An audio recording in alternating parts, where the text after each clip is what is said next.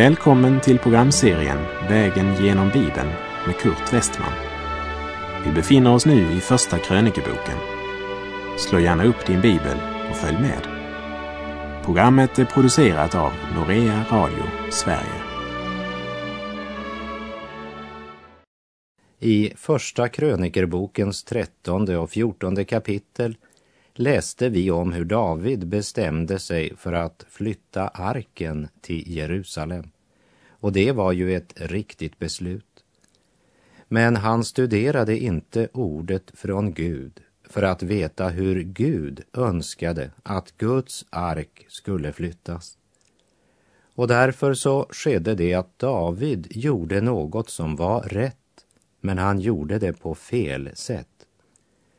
När vi nu kommer till Första krönikebokens femtonde kapitel ska vi se att David gör ett nytt försök på att flytta arken.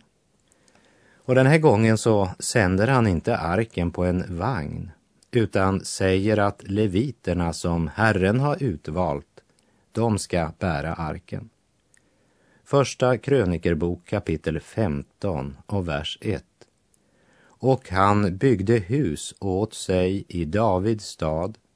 Sedan beredde han plats åt Guds ark och slog upp ett tält åt den.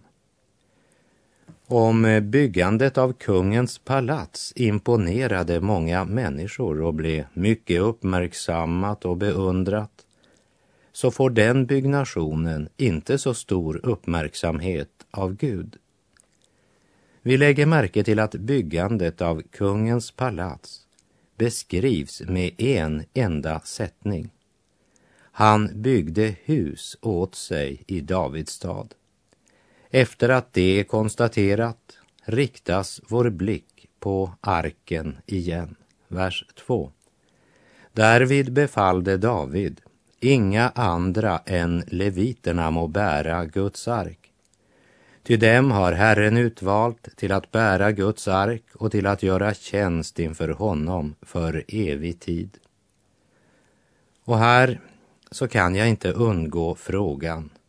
David, varför gjorde du inte det här redan första gången? Varför måste du först gå igenom en så sorglig erfarenhet innan du gjorde det på rätt sätt? Men eh, är det inte så för de flesta av oss? Att det är lättare att vara efterklok. Det är ju lätt för mig att säga till David att han borde ha gjort det på rätt sätt redan första gången. Och därefter så vänder sig Kurt Westman om och nästa steg han tar är fel. Och så måste jag lära att göra det på Guds sätt. Och ska du vara ärlig så är kanske det också din erfarenhet. Vi läser vers 3. Och David samlade hela Israel till Jerusalem för att hämta Herrens ark upp till den plats som han hade berett åt den. Av vers 3 så förstår vi att David hela tiden hade tänkt att föra arken vidare. Han hade förberett platsen där den skulle stå men den här gången så hade han bestämt sig för att arken skulle bäras efter Herrens regler. När Gud får sin vilja med en ledare och med ett folk så uteblir inte välsignelsen.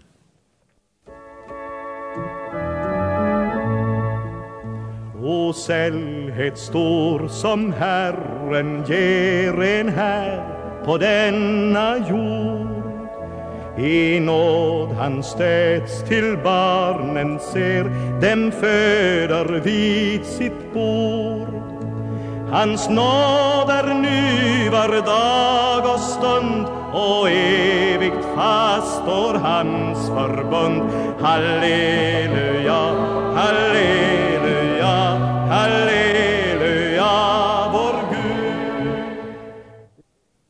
Vi läser i Första krönikerbok 15, vers 11 och 12.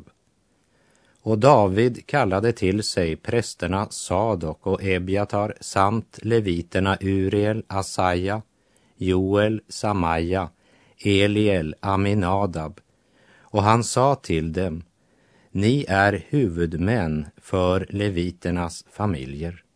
Helga er tillsammans med era bröder och hämta så Herrens, Israels, Guds ark upp till den plats som jag har berett åt den.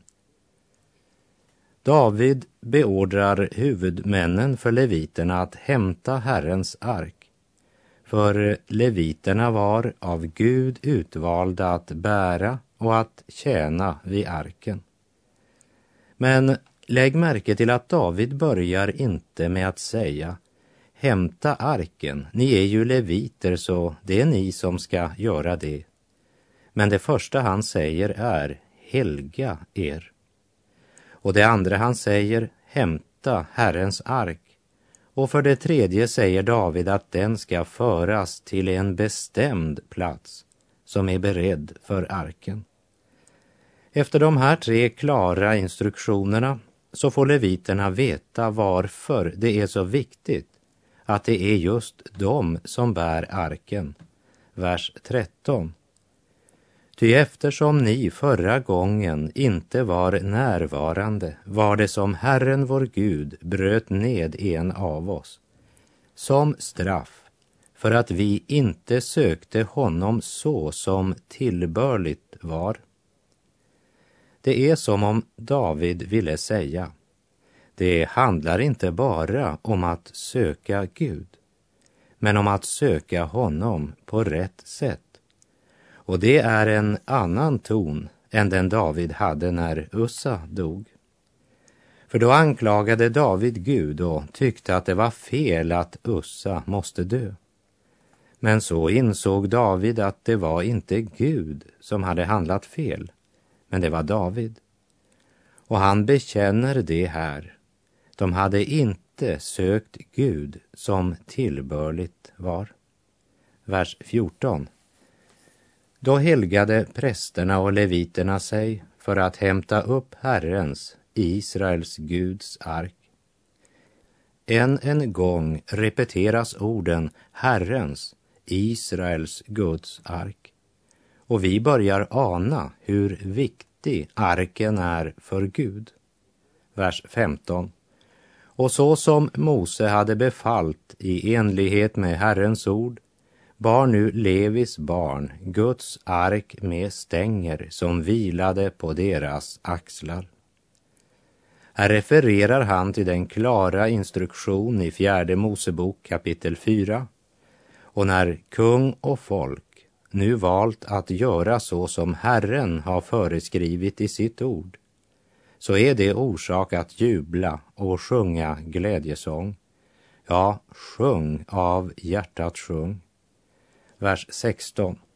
Och David sa till de främsta bland leviterna att de skulle förordna sina bröder sångarna till tjänstgöring med musikinstrument, saltare, harpor och cymbaler, som de skulle låta ljuda medan de sjöng glädjesången. Det här ögonblicket är verkligen en höjdpunkt när det gäller Davids ankomst till Jerusalem. Och det är Guds ark som kommer och den blir nu buren så som Herren bestämt. Första krönikerboken beskriver inte hur David besegrade jebuséerna och intog Jerusalem. Det ges inte heller någon lång utläggning om Davids stora byggnadsprojekt med kungapalatset. Gud lyfter vår blick mot den andliga sidan av livet.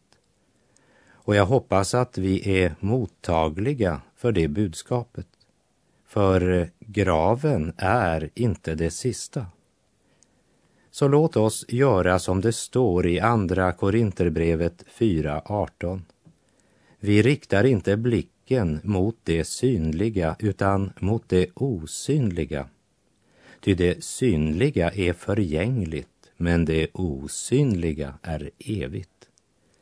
Eller som det är uttryckt i sången, om jag inte hade Jesus, vilken mening var det då i att leva några år och sedan dö? Vi läser i Första krönikebok 15, vers 25.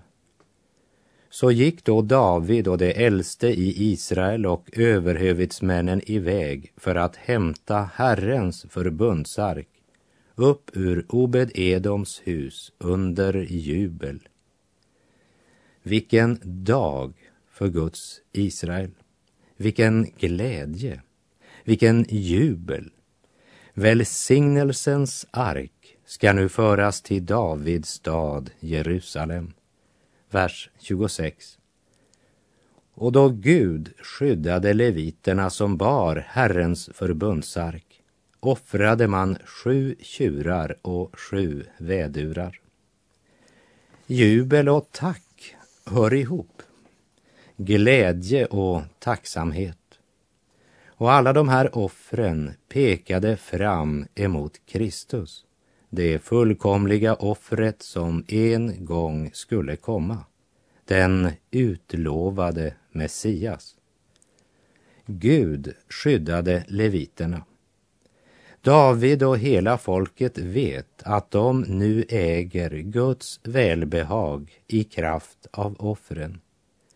Arken är i centrum och glädjebägaren flödar över. Vers 27 och 28. Därvid var David klädd i en kåpa av fint linne. Så var också alla leviterna som bar arken. Likaså sångarna och Kenaja som anförde sångarna när de bar. Och dessutom bar David en linneefod och hela Israel hämtade upp Herrens förbundsark under jubel och basuners ljud. Och man blåste i trumpeter och slog cymbaler och lät saltare och harpor ljuda. De gånger som jag har talat på Frälsningsarmén så har jag fröjdat mig över hornmusiken. Jag skulle gärna haft den i församlingen där jag går. Arken hämtades i Obed-Edoms hus under jubel. Och vi ser av vers 27 att man klädde upp sig och man går fram under jubel och basuners ljud.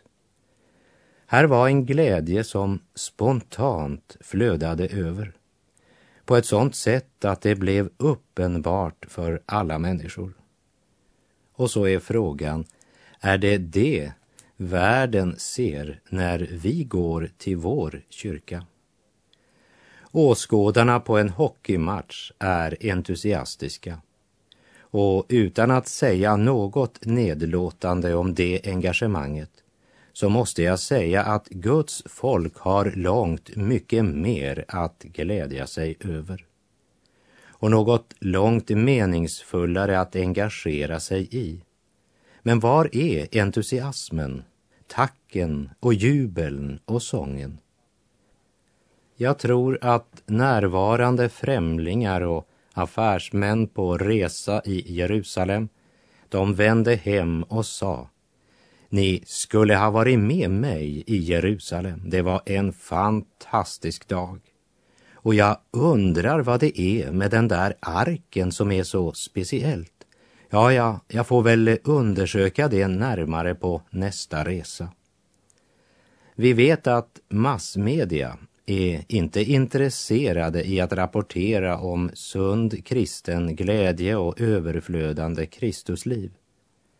Men hellre om andliga galningar och eventuella fel som begås. Men massmedias rapporter skulle inte betyda så mycket om vi som Guds barn var så under Andens smörjelse att vi kunde säga med salmisten Gud, du smörjer mitt huvud med olja och låter min bägare flöda över. Pris ske Gud. Problemet är inte att folk inte kan se vad vi har. Problemet är att de ser just vad vi har eller inte har.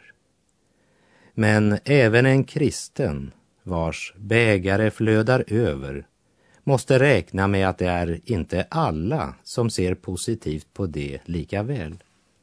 Och även i Jerusalem var det inte alla som var lika glada över arkens ankomst, över jubeln och basunernas ljud och inte minst över Davids uppförande. Vi läser första krönikebok 15, vers 29. När då Herrens förbundsark kom till Davids stad såg Mikael, Sauls dotter, ut genom fönstret. Och då hon såg kung David hoppa och dansa fick hon förakt för honom i sitt hjärta. Mikael var Sauls dotter och Davids första fru. Och när hon nu ser David så spontant visa sin glädje och iver i tjänsten för Gud så känner hon förakt. Mikael älskade hjälten David, han som besegrade Goliat. Mannen som människomassorna hyllar och böjer sig för. Men att tillsammans med folket glädja sig och så spontant ge uttryck för sin glädje, det upplevde hon förnedrande.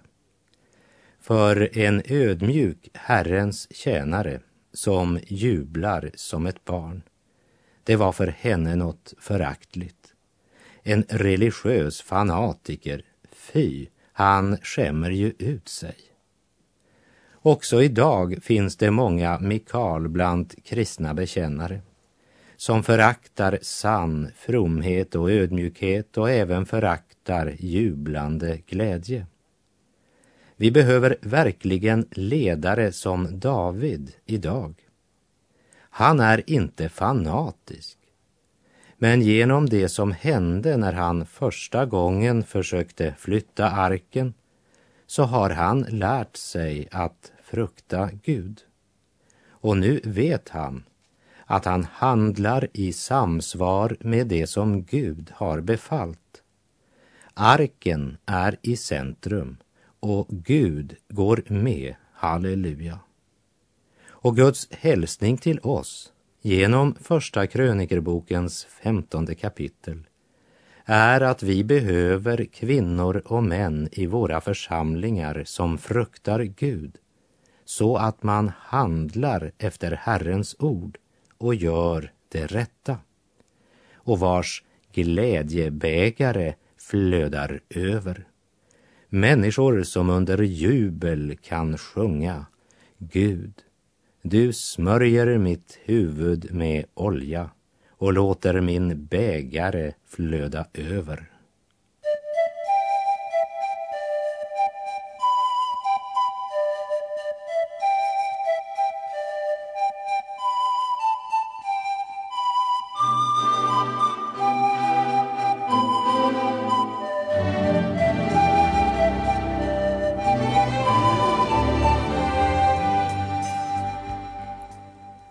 När vi nu kommer till Första krönikerbokens sextonde kapitel så får vi där höra hur man firar högtid. När det står att David bar fram brännoffer och tackoffer så betyder det bara att det var han som satte igång det hela som konung. För det var prästerna och leviterna som bar arken och som också frambar offren. Men det är David som är ansvarig för att man nu åter samlas omkring Guds ark. För i Sauls tid frågade man inte efter den. Vi läser första krönikerbok 16, vers 1 till och med 3. Sedan de hade fört Guds ark dit in ställde de den i tältet som David hade slagit upp åt den och bar sedan fram brännoffer och tackoffer inför Guds ansikte. När David hade offrat brännoffret och tackoffret välsignade han folket i Herrens namn. Och åt var och en av alla israeliterna, både man och kvinna, gav han en kaka bröd, ett stycke kött och en russinkaka. Brännoffret, det var ett försoningsoffer och det användes även i samband med reningar. Och till brännoffret skulle man enligt lagen använda fäkreatur, småboskap och fåglar. Medan tackoffret var ett slaktoffer och en gemenskapsmåltid. Och det skiljs mellan tre olika tackoffer. Lovoffer, löftesoffer och frivilligt offer. Och alla dessa offer tillsammans pekar fram mot den av Gud utlovade frälsaren, Messias. David hade också ordnat det så att det från kungens hov blev delat ut bröd, ett stycke kött och en russinkaka till alla som deltog. Vers 4. Och han förordnade vissa leviter till att tjänstgöra inför Herrens ark för att de skulle prisa, tacka och lova Herren, Israels Gud. Här nämns tre saker som står centralt när man samlas inför Herrens ansikte. Tacka, prisa och lova. Vi behöver leva i Guds ord och av Guds ord så rikt att Anden genom ordet får sätta våra hjärtan i brand. I Kolosserbrevet 3.16 står det Låt Kristi ord bo hos er i hela sin rikedom och med all sin vishet. Lär och vägled varandra med salmer, hymner och andlig sång i kraft av nåden och sjung Guds lov i era hjärtan. Det är konstigt att när någon är entusiastisk under en fotbollskamp så säger man att han är intresserad och engagerad. Men om någon är entusiastisk i Guds församling kallas han fanatiker. När jag efterlyser mera entusiasm i våra församlingar så låt mig säga, det är inte suggestion jag är ute efter. Inte en uppjagad stämning, men en andens vind som sätter arken Kristus i centrum. Det skapar jubel och sång. Kolosserbrevet 3 talade om andlig sång i kraft av nåden och om att sjunga Guds lov i våra hjärtan. Och David, han utvalde några leviter till en speciell tjänst, nämligen att tacka, prisa och lova. Låt oss tänka över det, om inte det har något att säga oss idag när det gäller våra församlingsmöten. Men låt oss aldrig glömma att lovsången var inte det första. Först kom brännoffret som talar om vad Gud ser i Kristus. Därefter kom tackoffret eller fredsoffret som förkunnar att vi har frid med Gud genom Jesu blod. Och med dessa offer som grund så gav David order om att prästerna skulle utlysa välsignelsen och välsigna folket i Herrens namn. Och det folk för vilket det är utgjutet ett offer för synden och som är förlåtna och fria i kraft av offret nu står under välsignelsen, ja, då passar det att sjunga tack och pris och lov till Gud. Ja, vi har all orsak att tacka Gud. Tack Gud för ljusa morgonstunder, tack Gud för varje nyfödd dag. Herre, för alla livets under, ödmjukt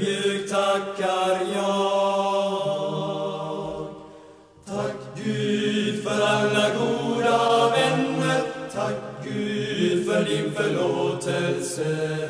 Herre, om människors hat mig bränner, hjälp mig för dem det. Tack Gud för sorg som fostran giver, tack Gud för varje vänlighet. Herre,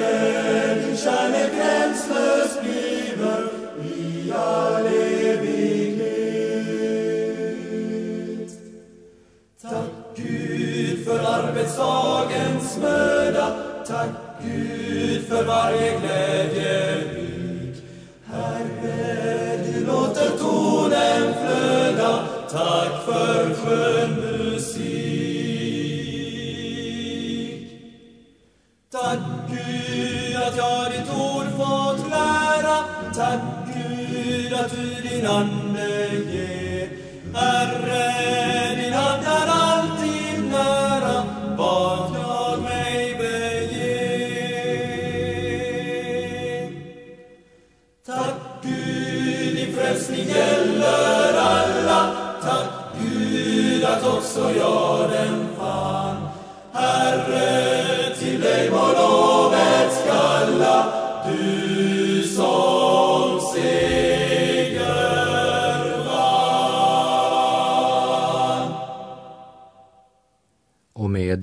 Tack och pris och lov av gruppen Ynglingarna så ber jag dig att meditera över det här temat tills vi hörs igen.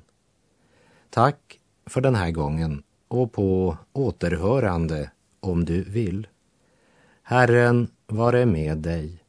Må hans välsignelse vila över dig. Gud är god.